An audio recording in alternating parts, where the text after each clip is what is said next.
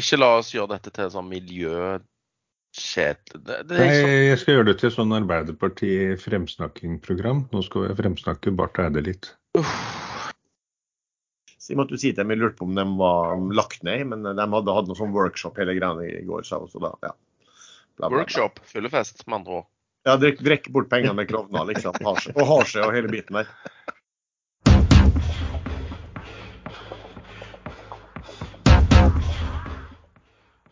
Velkommen til podkasten Aksjesladder. Mitt navn er Lars Branningen, i denne sammenheng kalt Reideren, og med meg har jeg som vanlig Julekuletradingeksperten Sven Egil Larsen. Og den enda flinkere julekuletradingeksperten Erlend Henriksen. Også kalt Jallakongen. også kalt Gang. Og sistnevnte kan vel komme med vår julekule-disclaimer. Ja, eh, ikke gjør som oss, bortsett fra når jeg for en gangs skyld treffer på julekulene. Da er det lov. Men det går fort feil vei, så vi er totalt uansvarlige. Vi ringer råd dersom du hører på hva vi sier her om markedet, aksjer, enkeltaksjer og livet for øvrig, er ansvaret helt og holdent ditt eget. Det kan forekomme feil i det vi sier i programmet, og panelet panelets gjester kan være lang, nei, kan være ja, kort, direkte og indirekte eksponert i aksjeselskaper og produkter som omtales i programmet, og vi gir altså ingen anbefalinger.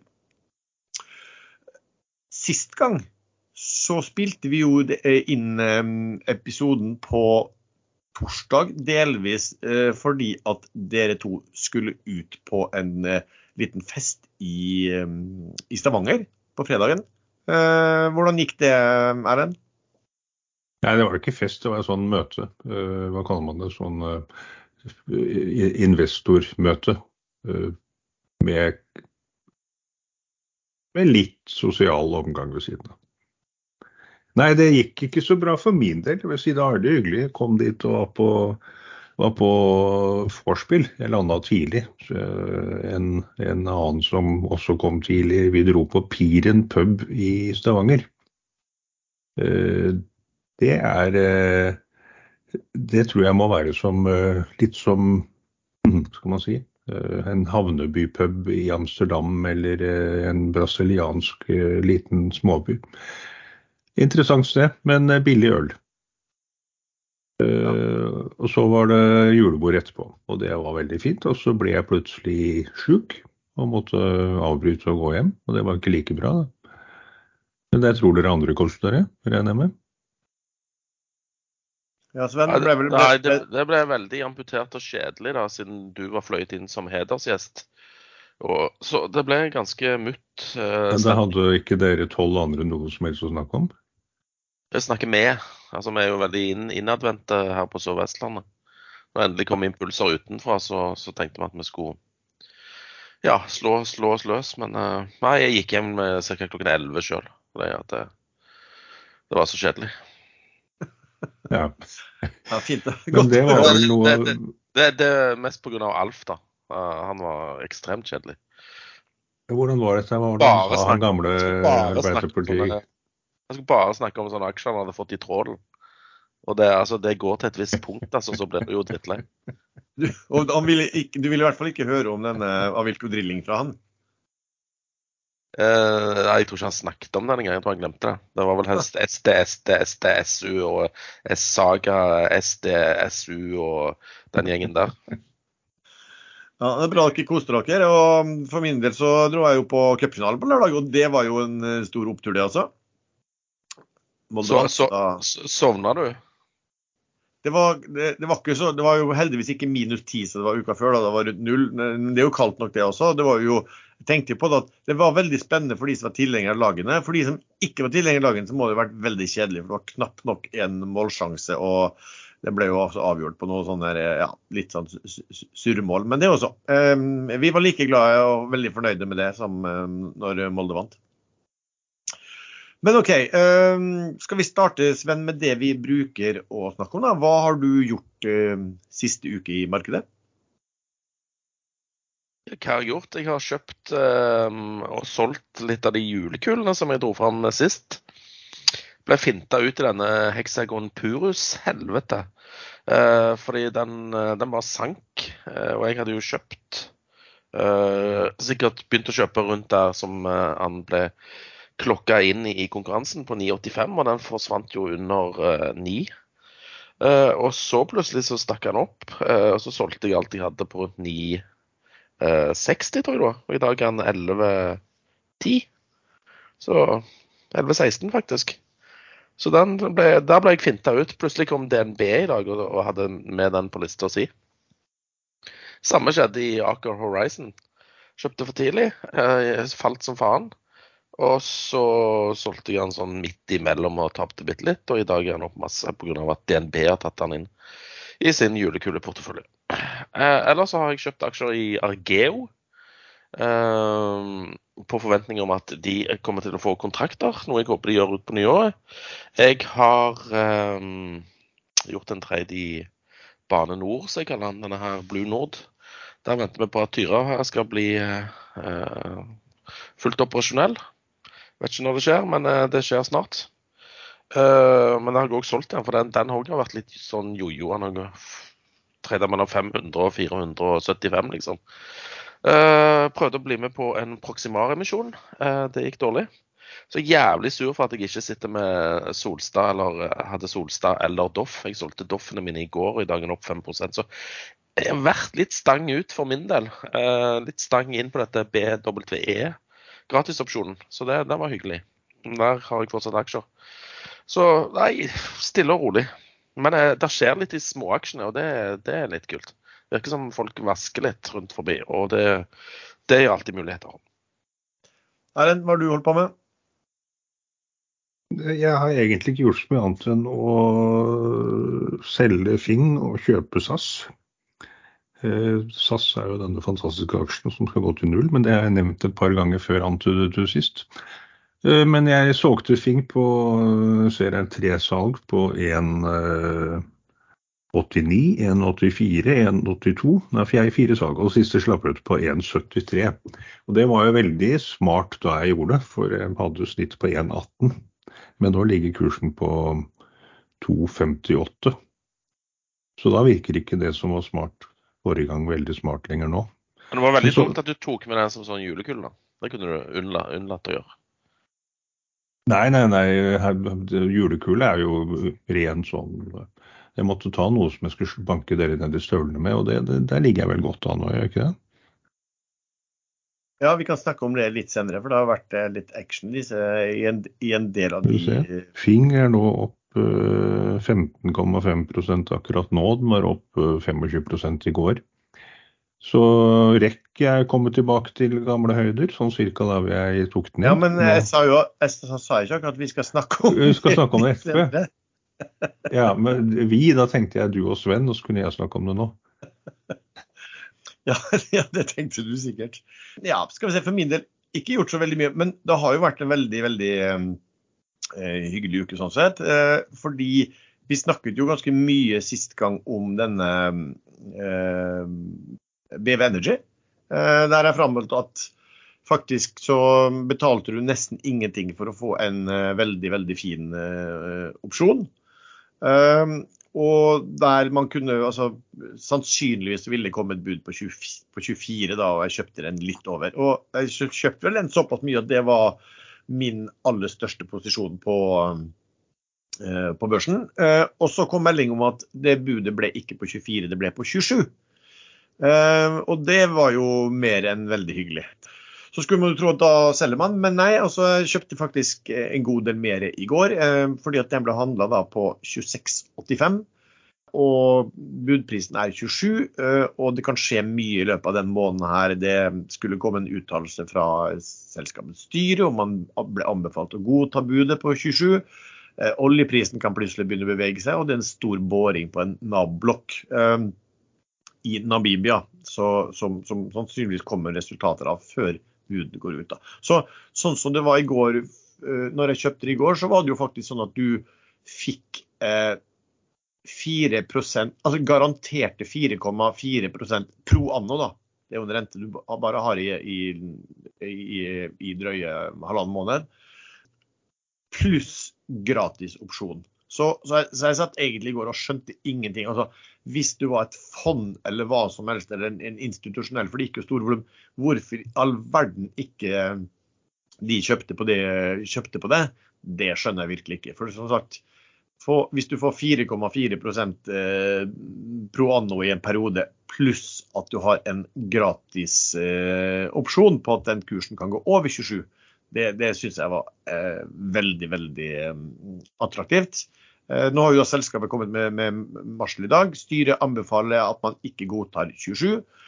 Også basert på at Pareto har kommet med en sånn fairness opinion, der de har lagd en sånn range på lavest, høyeste eh, verdi, og budet ligger under den laveste verdien, sånn som jeg forstår det. Så vi får bare se hva som, hva som skjer her. Fin opsjon i hvert fall eh, den, neste, den neste måneden, for den budet løper ut til 14. Eh. Ellers så har jeg kjøpt ganske mye Doff, eh, og det gjorde jeg da eh, i se, går og dagen før, altså onsdag og torsdag. Eh, også litt, eh, ikke minst da, fordi jeg så DNB solgte en stor post, var regna med at det kunne komme interessante navn opp på, på eiersiden der. Eh, og det gjorde det jo også, Jon Fredriksen bl.a. Og pluss at eh, oppgangen i Solstad eh, ville dra med den videre oppover. Noe den har gjort også. Så jeg har kjøpt litt BV Offshore eh, fordi at de eide mye av BV Energy, og da kan, hvis de vil, få frigitt eh, ganske mye penger. Så, så, det er vel egentlig eh, det i det store og det hele har gjort som har vært litt sånn, ja, litt, litt volum og litt interesse på. Jeg tror jeg glemte å si at jeg har kjøpt tilbake Quantafuel, for den falt plutselig ganske kraftig. Så nå ligger den rett over fire, så da syns jeg at risikorådet var litt bedre igjen. Så sånn går nå dagene. Sånn går nå dagene. Um, men har det vært noe skal vi se, Det har jo vært noen emisjoner da, Sven? Har det vært noen, eller har det bare vært én? Det har i hvert fall vært to, men hvorav bare én som jeg vet om som har vært litt åpen for folk. OK. Det var Proximar i går, da. Eh, de hadde jo antyda at de trengte penger, og at de kom til å hente inn penger. Og der liksom ble det fastpris to kroner. Uh, jeg hadde ikke lyst til å bli med der, for jeg hadde lagt meg inn i boka på 1,25 og syntes det var nok. Men det ble to. Uh, og så ringer jo eh, megler Drypp da, i Pareto og spør om jeg skal være med der. Nei, jeg bare drøyer litt. Jeg vil bare, vil bare vente og se at uh, han er dekka i øvre del av rangen, sånn at jeg slipper å få full tildeling. Uh, hvorpå da megler sier kan du ikke bare legge deg i boka, så blir han jo fylt opp litt fortere. Eh, så... Meglerdrypp? Er det noe annet jo... på at du sier til hele Norges befolkning? Eh, ja, han er klar over det sjøl. At uh, det kommer, kommer, noen drypp innimellom. Men eh, jevnt over så er det relativt flatt. Drypp. Og, ja. relativt teit. Nei da. så jeg syns det var en genial, genial forslag. Hvis jeg bare la meg inn i boka, så ble jo den dekket opp litt fortere. Så, så sånn var det. Men plutselig kom det en sånn Jeg var på butikken, så kom det en sånn syndikatmelding at eh, det var dekka i øvre sjikt, eller 140 mill. var dekka. Og at eh, de som ikke hadde vært med i Presound eller var eksisterende aksjonær, kunne ikke regne med å få noe. Så jeg fikk null aksjer tildelt der. Så det var vel like greit. Det var mye surring der. Ja. Jeg la en budselle på, på én krone før i pre-sounden. Ja, men vi var jo egentlig med på pre-sounden, så vi burde vel egentlig fått tildeling. Ja, vi var bare så utrolig Hva, hva ble du inn? Hva var du inn i interesse? 1,25. jeg la på én, og det var to kroner som var aktuelt. Så det er klart, eh, vi lå kanskje litt under, da. Ja, vi var, vi var vel realistiske, sånn som han eh, styrelederen i Borgestad. ja, har lært, lært, har lært av han. En emisjon har vært til, eh, og det er jo Hofset Biocare. Litt vanskelig å forklare. for at der har det jo vært, den har jo vært en av de vi spådde som, som kjempeemisjonskamerat. fordi at de, de, har jo hatt noe enormt eh, negativ arbeidskapital, eh, skyldt leverandør veldig mye. Men leverandøren har i stor grad vært eh, det som heter Hofset International, som er storeier. Og nå omgjør Hofset International jeg husker ikke hvor mye det var, det var over over 100 millioner. Eh, leverandører til eh, aksjer, eller preferanseaksjer. Så ut som tilsynelatende som det var på en, en hyggelig deal for, eh, for aksjonærene i Hofstedt eh, Biocare. Men de preferanseaksjene er ikke å se så mye på det. Det, det er jo alltid litt sånn. Ja, De er jo rentebærende. Ja, litt spesielle regler på det der og ikke sant, også på, på hva det er og hvordan det er. Ja. Hvordan de skal gjøres. Det var vel rente, lav renteperiode, og så, eller Nibor i en periode pluss null, og så var det høyere etter en periode og sånn også. Men jeg husker ikke preferanse også om det. Hva, hva skjer? Det bare, er de bare sånn evigvarende? Er det slik de bruker å være, eller? Ja, stemmer det. Inntil de eventuelt eh, konverteres og ja. og det er vel Kan sikkert, regler. konver- kan sikkert konverteres til vanlige aksjer på en eller annen måte. Ja, det, det kunne det jo. Det var faktisk på ganske høy kurs, da. Um, mye høyere enn en, en dagens uh, mye høyere enn dagens børskurs.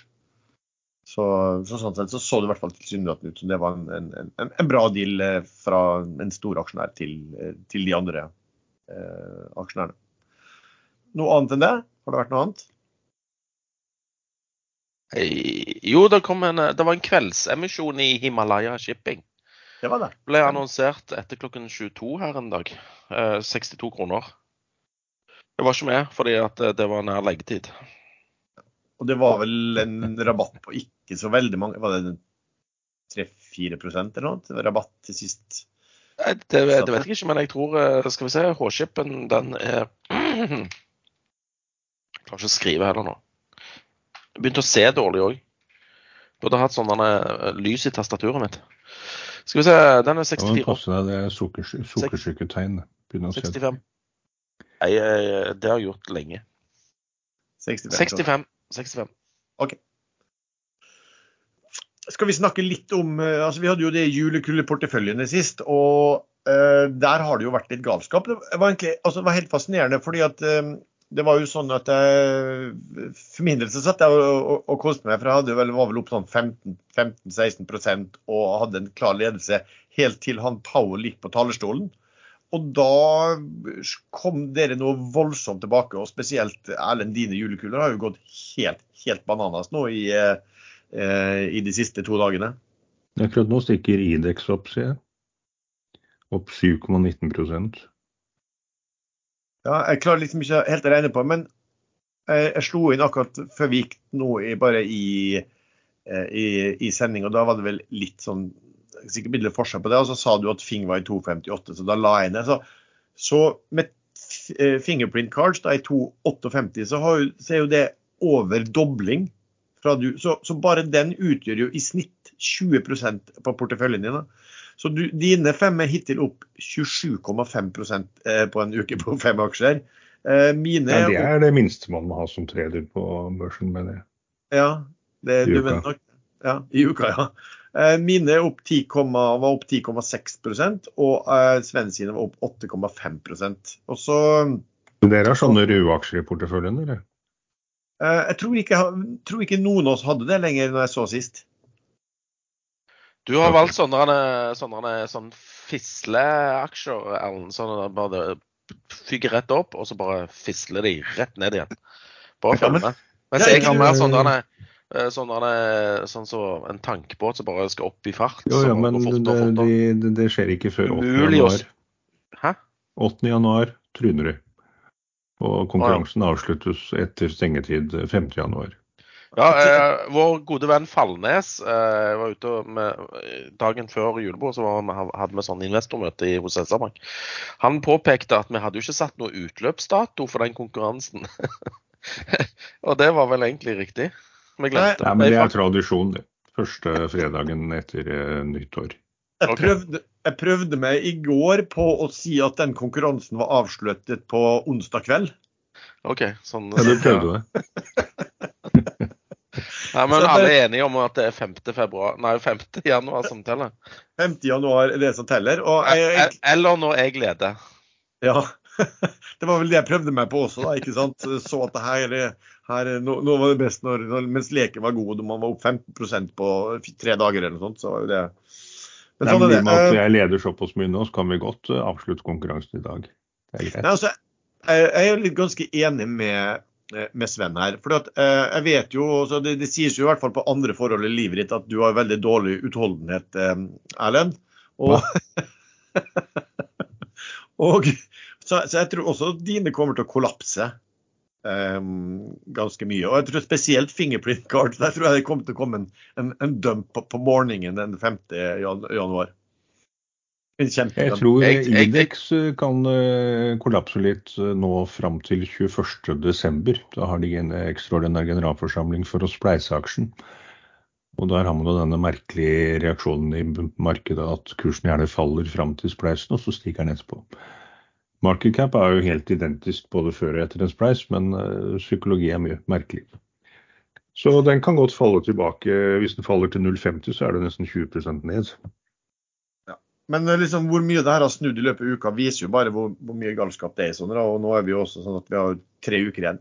Jeg skal bare nevne en av mine Horizont, eh, for den sa jeg tok med for at jeg trodde at de kom til å melde en avtale om eh, at de fikk inn en operatør på dette CO2-lagringsprosjektet sitt, som heter Polaris. Og det gjorde de jo også.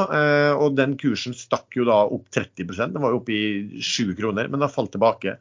Så den er vel på 5,87 nå. Er jo fortsatt opp, da, men ikke, egentlig ikke.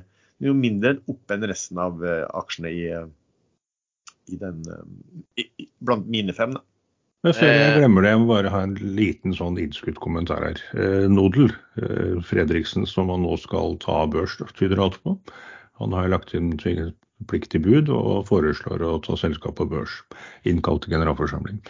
Eh, Der hadde Finansavisen en artikkel i går og påpekte at kursen lå på rundt 1,80 eller hva det var. Og tegnings- eh, som kommer snart er på 12,5 øre. Så det vil si eh, 105, nei, 1500 ca. over eh, emisjonskursen. Og da brukte de ordet vakuumteori, og da har jeg da et lite spørsmål. Hvor mange kjenner dere sånn personlig som har utviklet en egen økonomisk teori? Jeg kjenner ingen. Bortsett fra Ingen. vakuumteorien er noe akseptert til og med av Finansavisen, så da, da snakker vi om de høyeste kretser. Fina- Finansavisen aksepterer alt som gir klikk, så det, det, jeg tror ikke du skal ta så mye kreditt der, altså. Men kaller du meg en hore, er det det du sier? Er, ja, såkalt klikkhore. Som da er en, mildere, mildere eh, Mildere form for prostituert. mildere diagnose Ja. enn vanlig, vanlig hore. Eh, men eh, jeg bare sikter på de eh, aksjene som jeg ikke tok med som julekuler, men som var på lista. Biofish, Observe, Otto og Atlantic Sapphire. Alle de òg har jo gått bananas. Spesielt den Biofishen gikk jo helt i, i taket. Så Ja. Biofish kommer det fremdeles i en bolk med Warrens, gjør det ikke det? jo, i januar, i, i januar. Eh, Midten av januar. Ja, men så Så jeg vi tipper var jo ledelsen del- ute med store innsidekjøp nå på 1,55, og den eh, 1,20 er vel den bolken, er det ikke det? Var 1,10 faktisk. Det det? Så det er en gavepakke til oss langsiktige. Som Oss solgte seg ut med en gang. Du har vel en god del? Jeg har også noen warrants der, du har vel, men du har vel en god del mer? Jeg får håpe det. At jeg kan mer av noe noen gang. Fordi at Når du flasher 170 000 aksjer i denne BVE gratisopsjonsaksjen, så blir jo, får jo jeg litt sånn Det er jo mange millioner kroner, og du har jo økt på i tillegg, så Ja, med snitt 24 og salg 27, hvis, du, hvis Lars hadde slått på det, så er det ikke, det er ikke mer enn en halv mil, det. Nei, men det er jo greit, og jeg, jeg er spent på julegaveutvalget i familien eh, Brandeggen i år. Ja, vi kan glede oss til julebordet, Sven, på Theatercaféen. Lars inviterer eh, som hvert år. Han glemmer det hvert år, da, men eh, Ja, Han inviterer før han har sjekka om det var ledig bord, og så var det ikke ledig bord, og så ble det ikke noe likevel. Ja, bra, du har, bra, bra du har avlyst før du har satt deg på, på, på flyet, da. Ja, ja. Nei, øh, skal vi fortsette? Vi skal fortsette, og da kan vi ta et nytt tema. Um, og det er jo det som hele Finans-Norge eh, snakker om nå. Det er jo kampen og krangelen i Solstad. Eh, kanskje du Erlend, nei Sven, kan oppsummere. Hva, hva er det som skjer nå i, fra de ulike, ulike kantene? Nei, det er, full, eh, det er full fyring, holdt jeg på å si. Full fyring i teltet. Og det hagler med ord mellom partene. Og i tillegg så tar Aker Capital og kjøper 8 millioner aksjer til 50 kroner per stykk nesten. Altså, nei, det er fullstendig galskap. Og det som irriterer meg, det er at jeg ikke er med på galskapen. Jeg sitter her som en nøytral tilskuer og bare ser at folk blir rikere og rikere. Og det er veldig Det er en vond følelse, rett og slett. Å se at andre blir rikere. Ja, for, for i går så begynte jo Carnegie visstnok å kjøpe i løpet av dagen for, for um, Aker. Og så uppa de etter børs ved at da begynte de vel å ringe rundt og fortelle at de var på jakt etter mye aksjer, og kunne betale opp 10% av selskapet oppimot 50 kroner. Altså det er jo hva var det, jeg fant da, 5-36 over sluttkursen i går, og da hadde den jo gått 10 i går bare der. Uh, og, så det, det, var jo veldig hyggelig for de som slo til på det i går. Uh, kursen har jo falt ned til 40 i dag. For det, det, er jo litt sånn Altså, man oppfatter vel ikke det Sven, som om at, at dette er noe Røkke har veldig lyst til å betale per aksje? Nei, jeg, jeg ligger inne med en ordre i Agelix eh, på 21,15, tror jeg. Og, og, så plutselig så jeg i tikkeren min at uh, det gikk aksjer på 1975, så lurte jeg på hva som skjedde nå. Men det var en off-post på 250 000 aksjer. Beklager utbruddet. Det går bra. Eh, men da har jo da Aker nå skaffet seg De hadde jo 22 fra før, og så var det jo Sveas kjøpte seg opp, og nå venner av Sveas. Altså han Remøy også var ute og kjøpte seg noen aksjer, og han ga vel i klare uttrykk eh, for i media at han var ingen bestevenn med, med Kjell Inge Røkke. Uh, og da fikk vel Røkke nok da, og fant ut at her, nå er det egentlig dette er bare snakk om å vinne, uh, virker det som. Og da kjøpte de 10 uh, eh, oppimot da 50 kroner, og eier da 32 av, um, av aksjene. Eneste nettsted du trenger nå framover, det er solstadskandalen.no, der Sveås står bak. Der kommer det hyppige nyheter og gratulasjoner. Det kom nettopp en gratulasjon at de gratulerte Aker med å eh, ha kjøpt seg aksjer i det felleseide selskapet Solstad Offshore, og, men at de eh, ikke kan stemme for disse aksjene på generalforsamlingen. Så ordbruken er, er der fortsatt. Ja, og det kom jo også en, et amerikansk, eller var det amerikansk, i hvert fall utenlandsk hedgefond som kom ut og sendte også en pressemelding og skrev i veldig krasse ordelag også mot eh, Solstad at de hadde ikke sett maken på, på, på transaksjon engang internasjonalt. Og, og, dette var det man kunne bare se i korrupte emerging markets, var ikke det de skrev? Aker har jo da kommet med melding om at de kjøpte i går for å fordi at enkelte aktører hadde kunne sette denne eh, hva skal vi si, restruktureringen av Solstad i fare. Da. Så, så de, alle driver jo litt sånn politisk eh, spill her og, og, og, snakker stygt og pent og, og ja, om, om, stygt om de andre og, pent om seg selv. Da. Um, hva, hva, tror dere enden på dette her blir, um, Erlend? Uh, nå satt jeg og tenkte på noe helt annet, for jeg har ikke fulgt så mye med på den Nei, men da kan jeg spørre Sven hva han tror enden blir, da. Fordi jeg har ikke eid Solstad siden den var billig, og det irriterer meg grenseløst. Husker dere da jeg sa liksom ja, jeg bare drit, Solstad bare drit, kom emisjon ti kroner. Uh, ja, det gjorde, det gjorde, husker dere det? Det, det var ja, det er noen få som har nevnt det i det siste. ja, det ble på 11, da, så det var ganske nærme. Men uh, det, i, i, det andre selskapet. Var det ikke 15? Nei, det var 1187 i det andre selskapet. Nei. Ja. Så ikke det som Newco. Newco ble det. Ble det.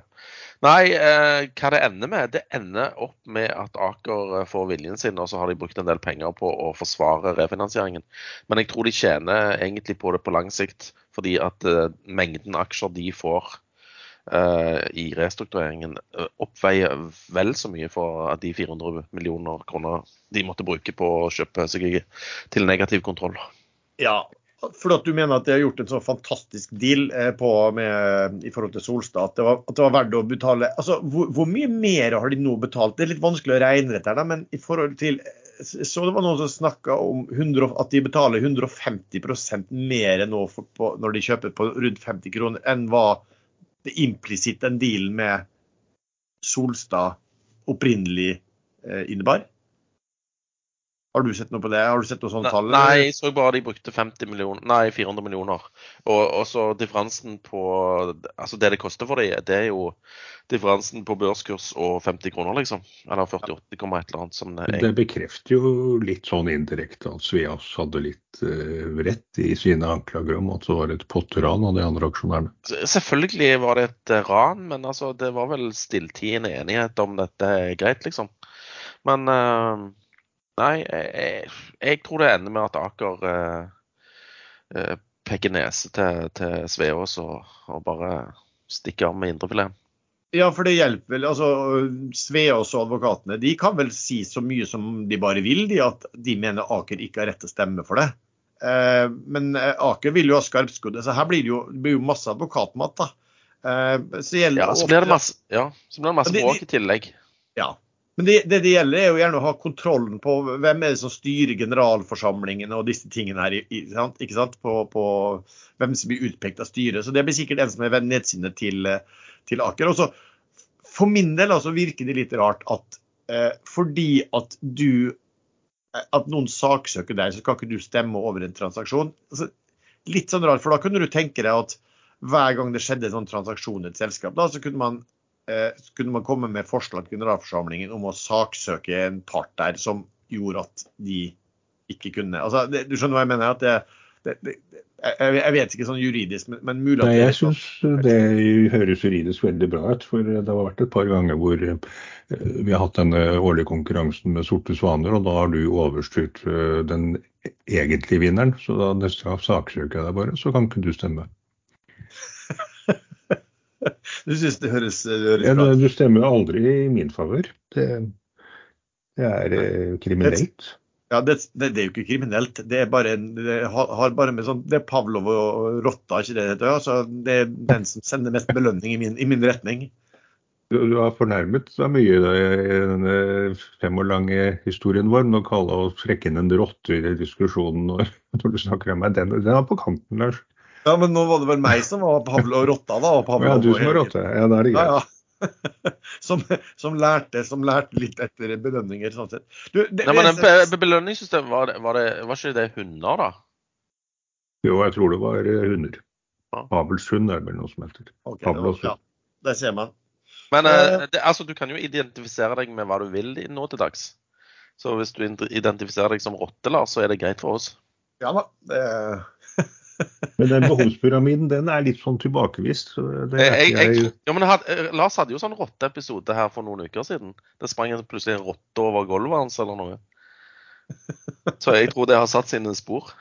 jeg trodde han hadde mus under bordet, så jeg tenkte på noe helt annet. Men eh, det trenger vi ikke å utdype nå. Men, men det er bare- altså, denne behovspyramiden, det, det, stemmer til en viss grad. Hvis man eh, gir arbeidere Først er det primærbonusdekket, så for å øke produktiviteten, og går vel litt utenom den eh, teorien kanskje. Men hver gang man gir arbeidere litt til, en kaffetrakter eller gardiner foran vinduet som plager eller et eller annet, så øker produktiviteten. Så kommer man til en topp hvor, hvor det ikke hjelper å gi mer. Da kan man begynne å ta bort ting. Da tar man bort kaffetrakteren og gardinene og den vakre sekretæren. Og da øker også produktiviteten. Men det jeg skulle bare si om Solstad til slutt, er egentlig at for Aker altså Aker er selvfølgelig ute etter å lage, få en best mulig deal når de gjør en investering i et annet selskap. og Da vil de prøve å skaffe seg en best mulig deal. og Det må jo være helt eh, fair også. Det er ikke, de, de er liksom ikke opptatt av sant? Så ser jeg også at det kommer en del aktører da, i tillegg til siste år, som sier at vi ville skutt inn penger. Ja, det, men det er jo lett å si. Da. Det var jo tydeligvis en litt sånn kompleks eh, eh, situasjon her. Så, eh, og, og, det er jo ord mot ord, da. Eh, spørsmålet er bare hvor ivrig har de vært på dette her. Man måtte jo faktisk inn her og kanskje vært med på å diskutere dealen i, eh, på en skikkelig måte. Eh, så er det spørsmål om er det Solstad-styret som ikke har ønsket å vil ta dem med inn i en sånn diskusjon, eller er det bare at de har vært eh, litt sånn vi kan, gjøre, vi, vi kan komme med én milliard, men eh, forbehold om sånn og sånn, og så har det vært vanskelig å, å tatt de med videre på det. Det, det vet jeg jo ikke, da. Så, men, men altså, Aker er helt, helt rett til å gjøre hva de gjør. Og så sånn Prinsipielt for min del er det selvfølgelig sånn at når, eh, når, når styret i et selskap da, i Solstad, eh, altså når de har så når, når de liksom retter seg bare mot én aksjonær og gjør knep for at man ikke skal måtte spørre aksjonærfellesskap om dette her er smart, eh, det er jo da prinsipielt motstander av. Så vi får vel se. Eh, nå er det vel masse diskusjoner om dette her ender opp igjen, hva det her ender opp i. Så vi, det, nå blir det jo opp til, opp til juristene, tenker jeg. Virker jo litt som om du holder litt med Røkke, da. Eh, egentlig. Med Nei, den altså, Molde-dialekta der og, og Ja, greiene. altså Molde vant jo cupfinalen, ikke sant. Eh, det er klart, da, da, får man jo litt varmere følelse for, eh, for uh, unge Røkke. Eh, ja, hvis man er en av de 217 moldenserne som finnes i Norge, så får man nok det. Men Sven, er du ikke enig i at altså, Aker hvis, Du prøver jo å skaffe deg en best mulig deal når du går inn i selskap og er med i emisjoner og en restrukturering. Eh, hvorfor skal det ikke være det samme for Aker? Jo, Jeg har ikke sagt noe på det, har jeg det? Eh, jeg bare, nei, nei. Du, du, sa bare, ja. ja bare, Det bare virker som du er litt sånn eh, Hvordan gikk det med Molde i går, forresten? Oi, oi, oi. etter 0-3 etter 24 minutter, da slo jeg faktisk av TV-en. Ja. Men hva ble det til slutt? Jeg ble 5-1 til Leverkost. Men Molde klarte å skåre, altså. Det er jo ja, Nå skal det sies da at Leverkosen er kanskje et av Europas eh, fem beste lag for tiden. De topper vel eh, Bundesliga foran Bayern München, gjør de ikke det? Og er knallgode. Så ja, det var eh, overkjøring. Bundesliga. Ja, var, Men tilbake var... til Slemmerøkke, som noen mener han er, og, og da Sveås, som går inn og kaller det et potteran, eller hva han nå brukte for et uttrykk. Han har jo ikke akkurat en en historikk på verdens den snilleste uten i klassen selv. Nå husker jeg ikke alle historiene, men det, det har jo vært litt av hvert opp gjennom tidene. Hvor ikke akkurat de andre aksjonærene har blitt prioritert. Ja, da, altså Man kan jo stille seg spørsmål at hvis, hvis Kistefoss var på den andre siden her, da hadde de ville gjort en, ønsket å gjøre den dealen sånn som Aker gjør? Eller, vil, eller, hadde de sagt at nei, vi vil ikke gjøre den dealen fordi at vi vil at alle aksjonærer skal få bli med? på det samme.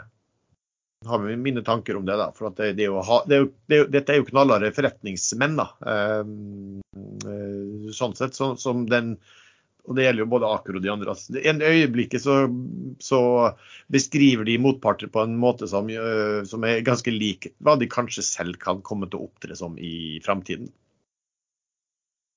Det har vært en um, stor sånn, miljøkonferanse i, i, uken som man kaller for COP 28. Hva, hva, er det som har foregått, Erlend? Og hva har blitt resultatet som, liksom er, som, som er verdt å merke seg for de som investerer i børsnoterte selskap?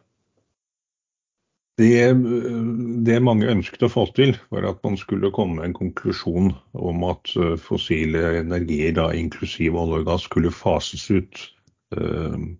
Eh, det fikk de ikke til. Eh, og det første forslaget som kom da, ble ikke fossile energibærere bare nevnt i det hele tatt. Eh, men de ble ikke enige om formuleringene, og da kom vår eminente utenriksminister Espen Barth Eide med et kompromissforslag hvor han, hvor han sa at istedenfor å si fases ut, så skal man bli enige om Hvor ble det av den formuleringen her nå? Transitioning away from fossil fuel. Sånn I mitt hode så betyr 'transitioning away from' å fase ut egentlig det samme. Eh, men den 'transitioning away from' eh, den åpner visstnok mer opp for at man kan eh, bruke karbonlagring. Skille ut og lagre karbon og fortsatt produsere olje og gass. Så for norsk industri, for norsk oljeindustri, så er dette gull. Ehm, som Vestre sa i en tidligere episode, så regner han med at EU kommer til å gi seg på at det kun skal være grønn hydrogen. At man også kan lage det fra gass med en CO2-lagring. Og da, da, vil vi kunne produsere olje og gass veldig mye lenger. Olje noe kortere tid, vil jeg tro, men gass lenge. Og det, det, er jo en viss logikk i at man skal gjøre det så lenge man ikke klarer å være å produsere strøm fra kull. Eh, kull er jo desidert det verste. Så det går absolutt framover. Eh, innen 2030 så er planen at verden skal redusere CO2-utslipp med 43 er vel, fra 2019-nivå. Men eh, det stemmer jo ikke. Det må være økningen som skal reduseres med 43 Og det er for å begrense oppvarmingen til 1,5 grader, men det målet, det målet kan man bare glemme. Det blir nok nærmere 3 grader oppvarming eh, uansett hva vi gjør nå. For her er det satt i gang, eh, eh, satt i gang prosesser i naturen som gjør at det kommer til å øke, det kommer til å bli varmere en god stund før det eventuelt går tilbake.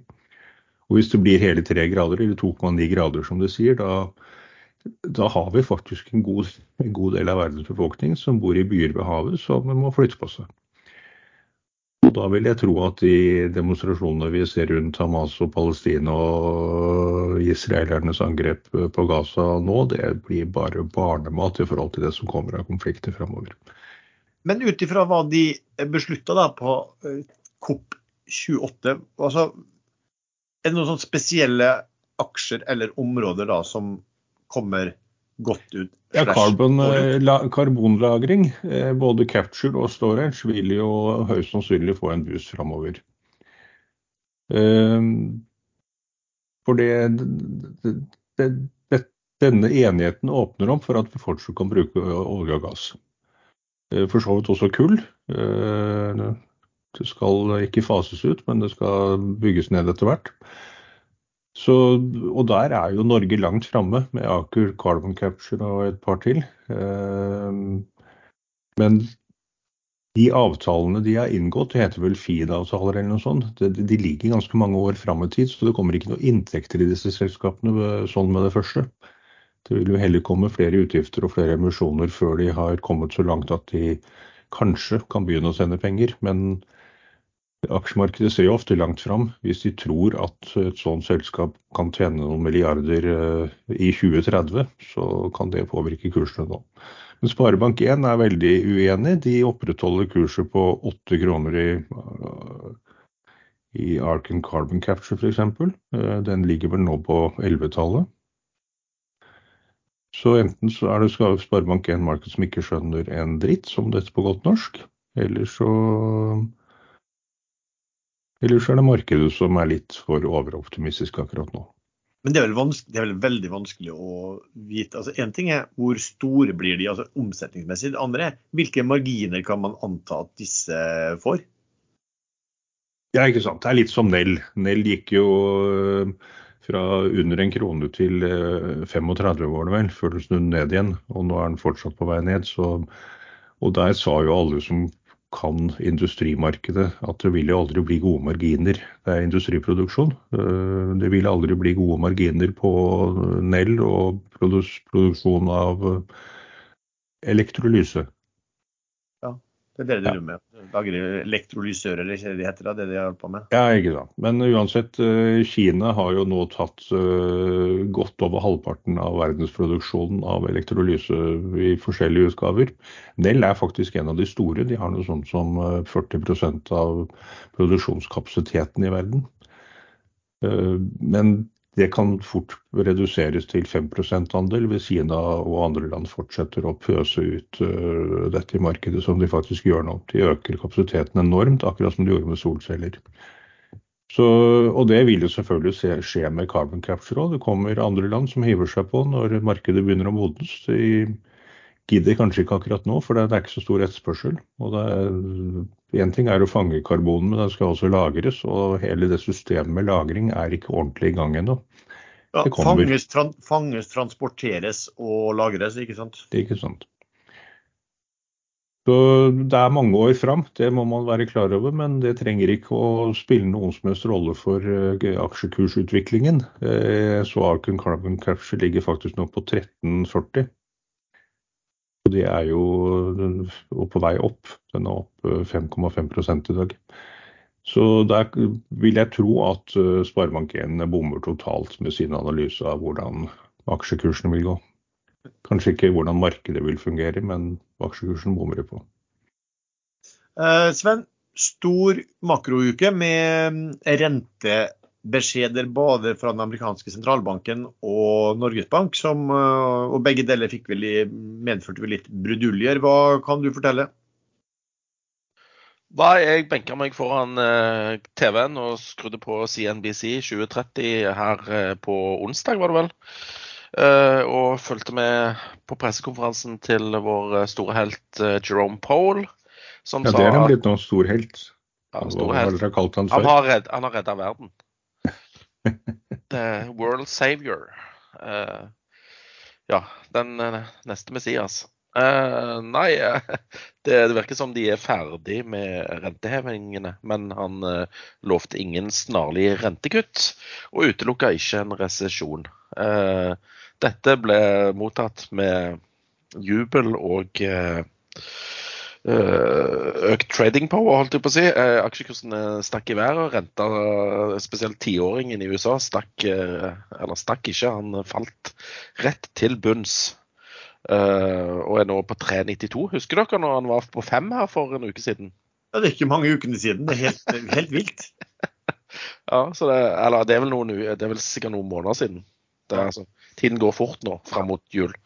Men uh, uansett, da. Er store bevegelser i rentemarkedet, og aksjemarkedet applauderte Jerome Powell, uh, vår nye frelser. Men indikerte Var det ikke sånn at de indikerte eh, Jeg så ikke på meg at de indikerte noe eh, at eh, de skulle begynne å kutte renten, og du skulle gjøre den to-tre ganger i 2024 allerede? Det var vel egentlig markedet som prisa, prisa inn det, var det ikke det? Jeg vet ikke om de sa det, eller om, om det var Nei. noe de uttalte selv. Om det var, eller Nei, om for det var, det var en av disse her guvernørene, eh, Fed governors, eh, som hadde vært ute i media og sagt at første rentesenking kan komme sånn og sånn. Men det, de ordene ville ikke Jerome Powell ta i sin munn, men han var òg varsom på å påpeke at eh, han ikke ville kommentere andre Fed governors sine uttalelser. Men han, eh, Powell utelukket vel heller ikke at det kan komme videre renteøkninger. Han utelukker ingenting, ja. Men han, men han blunka jo litt, da, med det ene øyet, så jeg. Du så det? Ja. Ja, Det var Men- ikke men- uh, russ, kanskje ikke det. Ultra high definition eh, television. men, men markedet tolka jo de, var de kjørte jo full jubel og tolka det som visshet på at nå, skal, nå kommer rentekuttene for fullt. løpende bånd. Ja, Dow Jones gikk jo til all time high.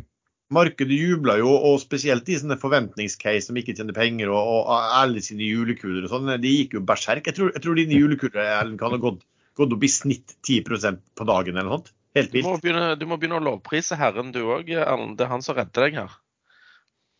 Og det er Jeg har jo sagt hele tiden ja, at Pavel Powell gjør en veldig god jobb. Det er dere som har sagt at han er helt på trynet og for seint ute, og dette blir Ja, men de var litt- og det går de til var helvete. De var litt for seint ute når det gjaldt denne inflasjonen og transitory. Ja, hvis Der- de hadde vært for tidlig ute, da? Du, Erlend, når jeg hører på deg nå, det er, dette er som å høre en fotballspiller som har bomma på ballen eh, gjennom 89 minutter, og så treffer han i 90 minutter, og så sier du at han er ganske god. Det er kanskje litt overdrevet, da, men de har jo selv til innrømmet at de har bommet grovt hva de holdt på med under den covid-perioden. Jo, jo, men uh, hvis, de, hvis de ikke hadde gjort det de gjorde uh, Det er ikke sikkert at det da hadde vært bedre nå enn i og med at de bommet. Så kanskje det var riktig medisin å bomme. Ja, Dette vet det er som en fotball, fotballspiller, at kanskje resultatet hadde blitt dårligere hvis han hadde truffet ballen. Så Ja. Så nå skal vi ikke rippe opp i din fotballkarriere, som endte brått og brutalt og aldri kom skikkelig i gang. Men eh, sant nok. Nei, men tilbake til eh, det oppsatte programmet, da. Eh, Ida òg er jo flink. Hun setter opp renten og gjør sånn at eh, folk som har midler på bankkonto, får høyere rente. Og de fleste applauderer jo det. ja, det, det, er på, det er jo litt morsomt jeg har lest på Ekstramester de siste par dagene hvor alle nå elsker Pavel og alle elsker Ida fordi hun er tøff og sto litt imot og satte opp renten. Men antyder at det kanskje var siste gang. Eh, Så det neste som kommer, er at alle kommer til å juble for Vedum og elske han og mene at han er den beste finansministeren vi noensinne har hatt. Og så kommer Støre etterpå, da blir han kongen. OK. Eh, du, og de der, du og de der Arbeiderparti-tilnærmingene dine og Uff. Nå er. Idex, nå er Idex opp nesten 10 i dag, i dag eh, Erlend. Så det, er vel, det drar vel julekulen din opp med et par prosent, er bare det. Jeg tror at jo mer, eh, jo mer jeg sier som dere er negativt på, jo bedre går det for julekullene mine. Så Nei, jeg vil ha tilbake Erna som statsminister. Vi må få litt ordentlig trening igjen. Eh, Nå kan vel ikke Hans Indre Finnes eh, trede så mye mer offentlig, men da finner de sikkert en annen i familien som de kan eh, sende ut. Siste episode så snakket vi også om at vi som vanlig skal eh, lage en investorenes eh, juleinnsamling. Og Sven, hva tenker du om eh, Hvem skal vi samle inn denne gangen til? Nei, vi var jo ikke helt enige, eh, oss tre, da. Eh, det, I fjor så var det vel psykisk helse og han eh, hopptreneren Støkkel som vi hadde på besøk. Eh, og årene før så har vi vel samla inn til sykehusklovnene. Eh, Ja, 2020 og 2021 eller begynte vi allerede før korona 2019. Innsamling. Du spør så vanskelig. Ja, det Altså- var planen, faktisk. Jeg, en, Enkelte av oss lever, lever for det meste i nuet. Eh, og er ikke sånn uh... Lars, du har fasiten. Når begynte Nei, du med jeg, har ikke, juleinnsamling? jeg, jeg tror det var første gangen vi gjorde det i 2021. Nei. Nei, det kan det ikke ha vært, for vi har hatt sykehusklovnene to ganger. Det er jeg ganske sikker på. Nei, Nei? Jo, det har vi. vi har det. OK. Ja, ja. Det er to år på rad. Og så ble det psykisk helse, og så ble det psykisk sykehusklovnen igjen. Så nå har du avslørt hvem vi Men du hadde ikke du et annet forslag, da? Jo, eh, eh, jeg registrerer i media at eh, enkelte anonyme tradere fra Bergen går på smell etter smell, og for andre gang i år er blitt pålagt å betale en bot på fem millioner kroner eh, for, eh, for handling med seg sjøl. Så vedkommende trenger jo snart en liten spleis. Eh, à la alle elsker eh, Ingen elsker eh, Bamsegutt-opplegget. Fordi at maken, altså. Han kommer jo til å finansiere hele Finansdepartementet nå etter hvert. Men viste det måten. seg ikke at Bamsegutt var litt sånn selvburskjult. Jeg, jeg, jeg tar ingen uh, stilling uh, i, i, den saken der. Jeg bare registrerer ting som skjer. Samme med, med bergensk trading-praksis. det, jeg, jeg registrerer at det skjer, men eh, noen har funnet seg en melkeku. Men hvis man fremstiller eh, han som en stakkars eh, bussjåfør, eh, fattig, som trenger, eh, trenger litt ekstra til livet til opphold, ja, ja, så vil jo det mener- øke eh, gaveviljen. Du mener Norway Rob? Han er jo eh, fra Bergen og kjører buss. Men han har jo egen sånn Instagram-konto. Vet ikke om han trenger penger heller. Men nei da. Eh, jeg tror kanskje vi skal ikke gå på enkeltindivider her, men tenke litt bredere. Gå liksom på de som trenger det. Men uh, han Viggo Venn er jo òg en sånn sykehusklovn. Så han Ja, er pleier jo å jobbe hver eh, jul, har han sagt på TV, på sykehus. Altså på julaften. Så det er jo Du ser på Asbjørns julekalender du også. Ja, ja, ja, jeg syns Asbjørns julekalender har blitt bedre nå etter et par år eh, pause. Men tilbake til det vi skal si, er jo at eh, um, vi, vi har fått, altså Veldig mange har blitt glad i disse sykehusklovnene og kommet med eh, innspill. altså når vi har eh, I fjor så, så savna de nesten at vi ikke samlet altså De ville gjerne at vi skulle samle inn til sykehusklovnene. Når vi spurte i år også, så sier jo folk nei, vi må samle inn til sykehusklovnene. Eh, Så det gjør vi det, for det er jo et veldig godt eh, formål, som jeg har sett liksom også eh, på på, på nært hold selv. Jeg har vært inne på sykehus for mange år siden med, med et barn og fikk besøk. og De var veldig veldig morsomt når de hørte at sønnen min som skulle inn på en, ja, en, undersøkelse. og Han satt vel og så på noe YouTube på, på mobilen, og da for de og tulla med det og lagde YouTube med metoo-show og alltid et par sånne klovner. Veldig, veldig gøy. Så vi samler inn penger til eh, sykehusklovnene. Um, det er jo sånn at eh, Sykehusklovnene de vil gjøre hverdagen bedre for barn og unge samt deres pårørende, mens de er i en kanskje en tøff situasjon. Eh, den treffer jo barn og unge ikke bare på sykehuset, men drar også på hjemmebesøk. Og pårørende forteller at møtene bidrar til større livsglede og mestring av en vanskelig sykehushverdag. Um, og det helsepersonell sier, er jo at de mener at sykehusklovnene bidrar til at medisinske behandlinger løses både bedre og raskere. Uh, ved at man har klovner til stede, så reduserer man også behov for beroligende midler og uønsket bruk av tvang. Og Forskning viser også at latter og glede reduserer smerte, styrker immunforsvaret og gir mindre stress. Så Nå har jeg forstått det. Eh, Det er økonomisk motivert ut fra helseforetakene dette her å ha sånne sykehuskloner, i og med at det eh, ja, trenger ikke så mye eh, medisiner.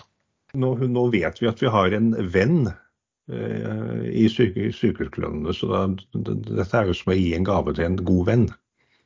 Eh, Dere skjønte kanskje ikke den? Jo da, det, det, det, Eh, Jeg skal bare hente teskjeer, så, det- så kan du fòre meg med den.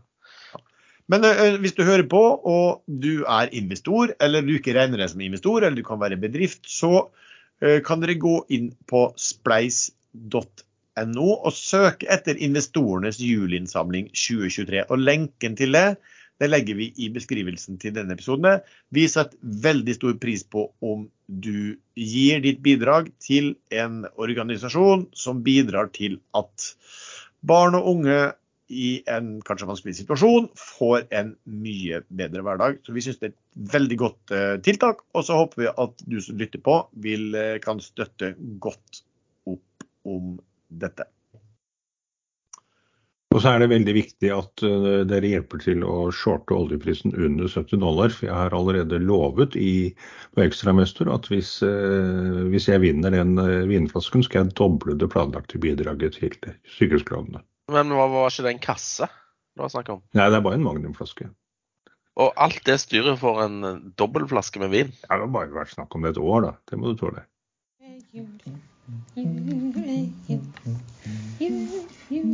Hei dere i Aksjesladder. Eh, Dette er Marianne fra Sykehusklovnene. Tusen takk for at dere har en innsamling til oss. Sykehusklovnene er til stede på 19 sykehus fra Tromsø i nord til Kristiansand i år. Og her er en liten hilsen fra eh, Maxine P og Jepp, som er to av våre sykehusklovner. Hei. Hei, alle sammen. Eh, eh, håper dere støtter eh, oss, for da kan vi møte enda flere barn Tenk på det. ja, på sykehusene. Ikke bare Riksen eller Nei, Ullevål eller nei. Da kan vi dra til Tromsø. Ja, for eksempel. Åh, tenk på det. Å, dere er helt uh, Hva heter det? Fantastisk. Fantastisk. millioner, millioner takk at dere blir med. Ja, bli med! Bli med! Bli med! Bli med, bli med.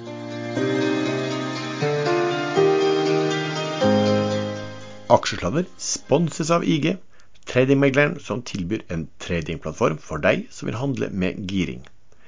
Kryptovaluta som bitcoin og ethereum har virkelig hatt en sterk oppgang i 2023. Om du vil trade krypto, kan du gjøre det hos IG. Helt uten e-lommebok kan du handle bitcoin, ether, litecoin og mange flere kryptovalutaer på både opp- og nedgang. Med giringen får du stor eksponering mot de sterkeste kryptovalutaene, eller en bred eksponering med krypto 10-indeksen. Åpn en demokonto for å teste, eller livekonto på ig.com.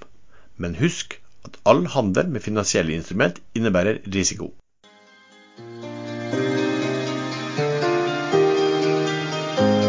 Over 11% var Idex akkurat opplørt.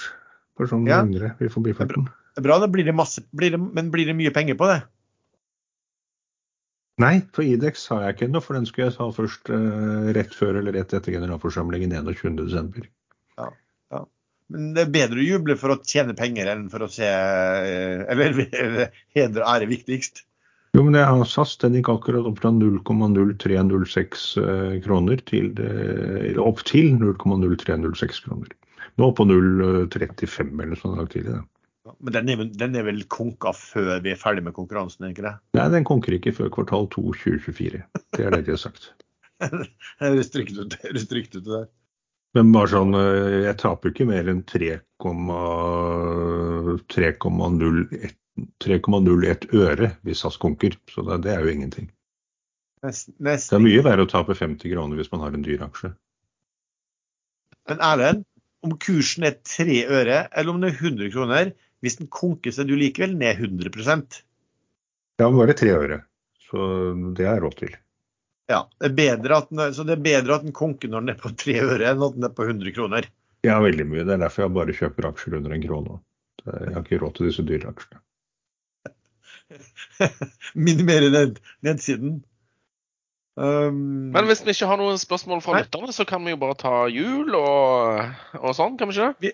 Vi har litt om biofish. Jeg vet ikke om du har lyst til å si noe? Nei, biofish, biofish. Vi har snakka om den. Enough said. Uh, um, ja. Nei, men eh, det var gode tall i Q3, men eh, det blir dårlige tall i Q4, for da har de ingen inntekter. Så sånn Men er det. hvorfor klinker ledelsen til å kjøpe så mye biofish akkurat nå? Det virker jo som eh, det nye anlegget som ble erklært ferdig i oktober, faktisk fungerer. Men de må skalere opp produksjonen. De har eh, lisens på 2,2 eller 2,5 Nei, 2,2 tror jeg. Eh, 2200 tonn eh, med, med smoltproduksjon, og de ligger vel nå på under 1000. Så de, det bare å skalere opp.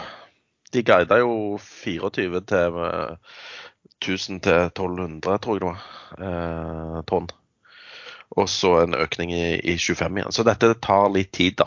Men eh, det er tydelig at ledelsen har, har litt tro.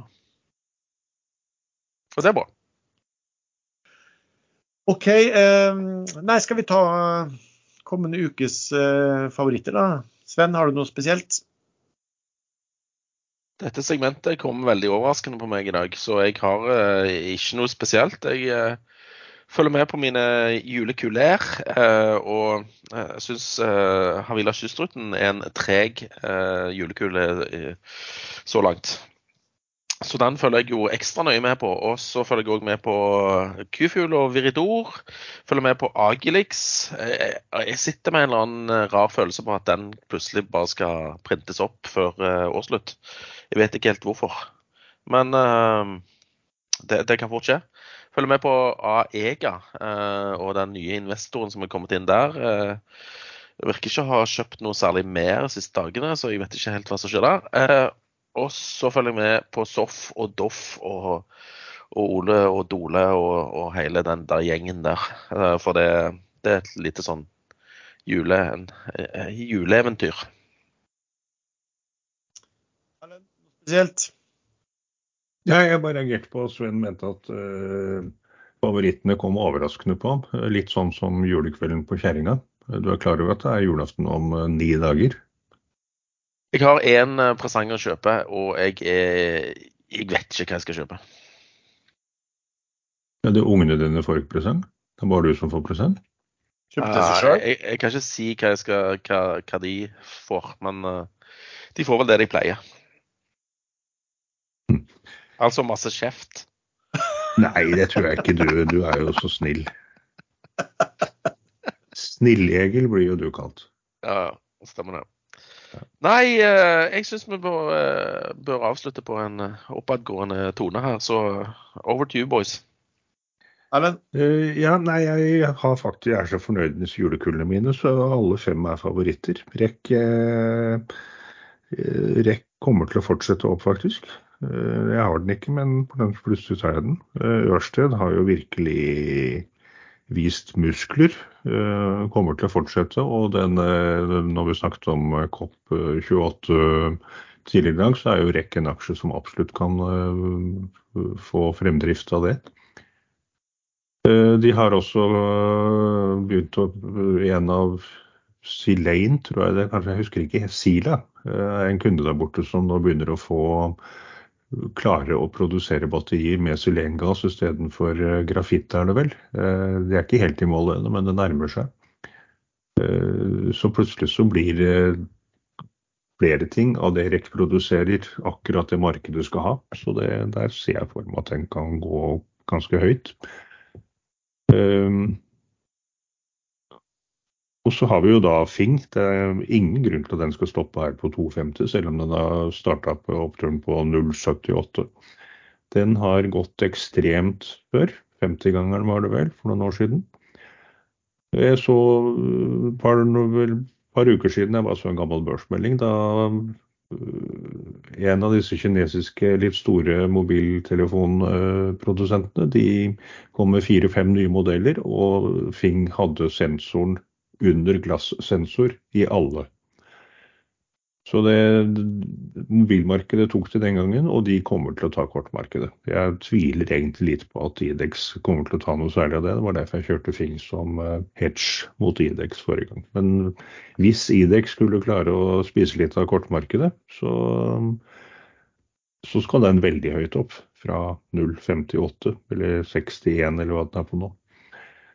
Så jeg holder meg til julekulene mine, og så bytter jeg litt på mellom dem. Men jeg tenkte når du sa at du tok ut en ting som hedge til indeks. altså, Det er jo ikke så mye det å ekte- i å kjøpe to selskap, eh, kjøpe begge i samme bransje. Det blir Ja, men han sa, du hadde, hadde du fulgt med i siste episode, så sa han det da òg. Og det var humoristisk ment. Men altså, eh, som jeg påpekte Nei, det, i det forrige er faktisk ikke. Jeg vil ikke fortsette. fortsette med eh, varianten din. Det er en sånn dobbel negativ uh, morsomhet her nå. Nei, men Fing er et ekte selskap. De har tjent penger i alle år. Dvs. Si de har hatt inntekt i alle år. Og så klarte de å surre det til litt og litt, uh, litt råtne egg i ledelsen og styret og litt sånn, og litt fengselsstraffer. Uh, og de brukte mer enn de tjente, men nå har- begynner de å snu den skuta der, så det er et ekte Så du mente faktisk det når du Ja, sa ja, du Fing, ja, ja. hvis Fing klarer å snu Det skal veldig små variabler til, så begynner de å tjene veldig mye penger. Um, Idex er et fake it till you make it-selskap. Uh, Hadde du- og- så, Hadde du fulgt med i forrige episode, Sven, skikkelig, så hadde du fått med deg det at det ikke var noe ironi. Jeg, jeg, jeg var helt sikker på Ja, ja, det var bra. Jo, det var en snev av ironi bak der. Jeg, ville, jeg visste i hvert fall at det ville bli oppfattet som ironi. Men Ja. nå har vi klargjort det. Uh, Noe annet? Ekteselskap mot et fake it till you make it-selskap. Er det noe annet spesielt, eh, Maren? Nei, jeg mista jo toget i B-Fish, da. Eh, Det er jo litt trist. Jeg snakket med en jeg kjenner som hadde kjøpt en del på 206. 106. Og han var veldig happy for et par dager siden. Da fortalte han at han solgte den på 1,25. Og så stakk han rett opp til 1,70 dagen etter. Jeg har ikke turt å spørre han ennå om hvor happy han er nå. Jeg venter, venter til det svir skikkelig. Sweet happens. Uh, OK. Uh, for min del, nei, jeg sier jo fortsatt, uh, siden jeg snakker om BV Energy, hvis du får den på 26,85, eh, så ville jeg som i hvert fall hvis du er institusjonell og, og alt det der, så, så ville jeg egentlig bare kjøpt det og fått meg den gratisopsjonen. Du, du får jo 27 kroner tilbake om i slutten av, av, av januar, så worst case så har du vel ikke tapt, tapt noe på det og fått, fått noe gratis. Eh, og så tenkte jeg skulle si litt årsaken til at jeg kjøpte da Doff Group. Eh, det var det at eh, når Sveås eh, ba om innkalling til generalforsamling, så ble det jo publisert et eh, brev hvor han gikk gjennom transaksjonen. Eh, og der han fortalte da eh, hvordan dette ranet var, på, med, på hvilke nøkkeltall Aker kom inn i. På, eh, i, i Solstad Offshore på en sånn EV-EBITA-tall. da.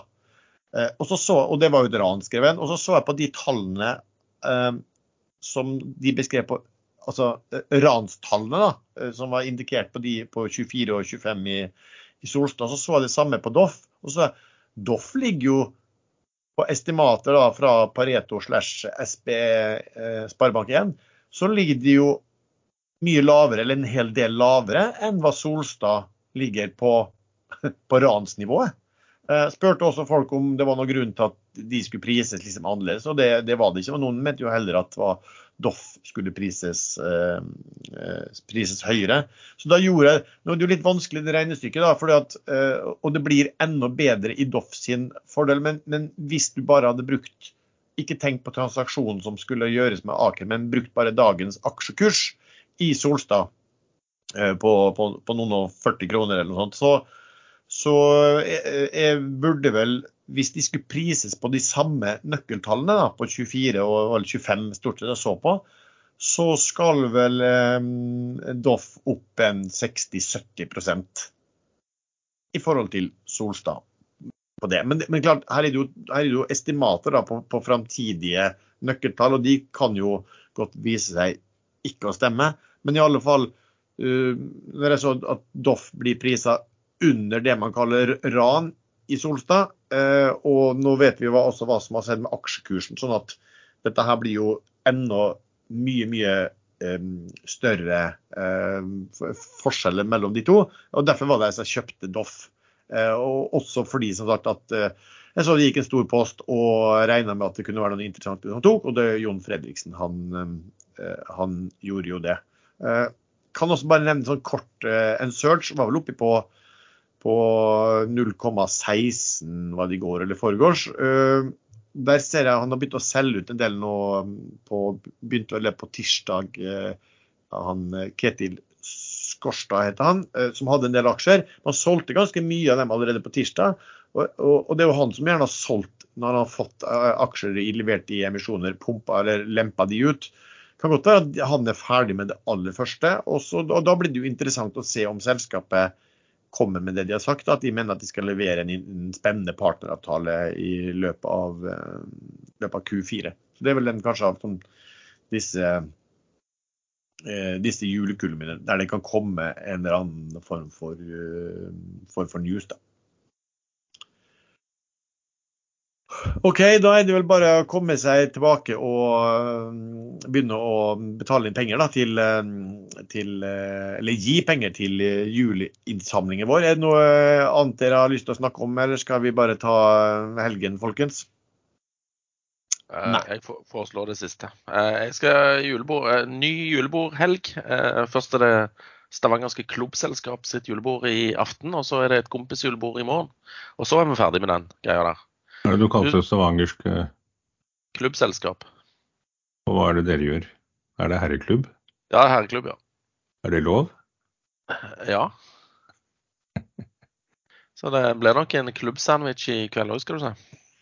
Fysj a meg. Og med det så takker vi til deg som har lyttet til denne episoden. Du treffer stadig oss tre chattene inne på Ekstrainvestor. Vi har også en egen gruppe på Facebook som heter podkasten Aksjesladder. Musikken er som vanlig laget av sjazz.com, og vi høres. Og husk å gi penger til investorenes juleinnsamling 2023.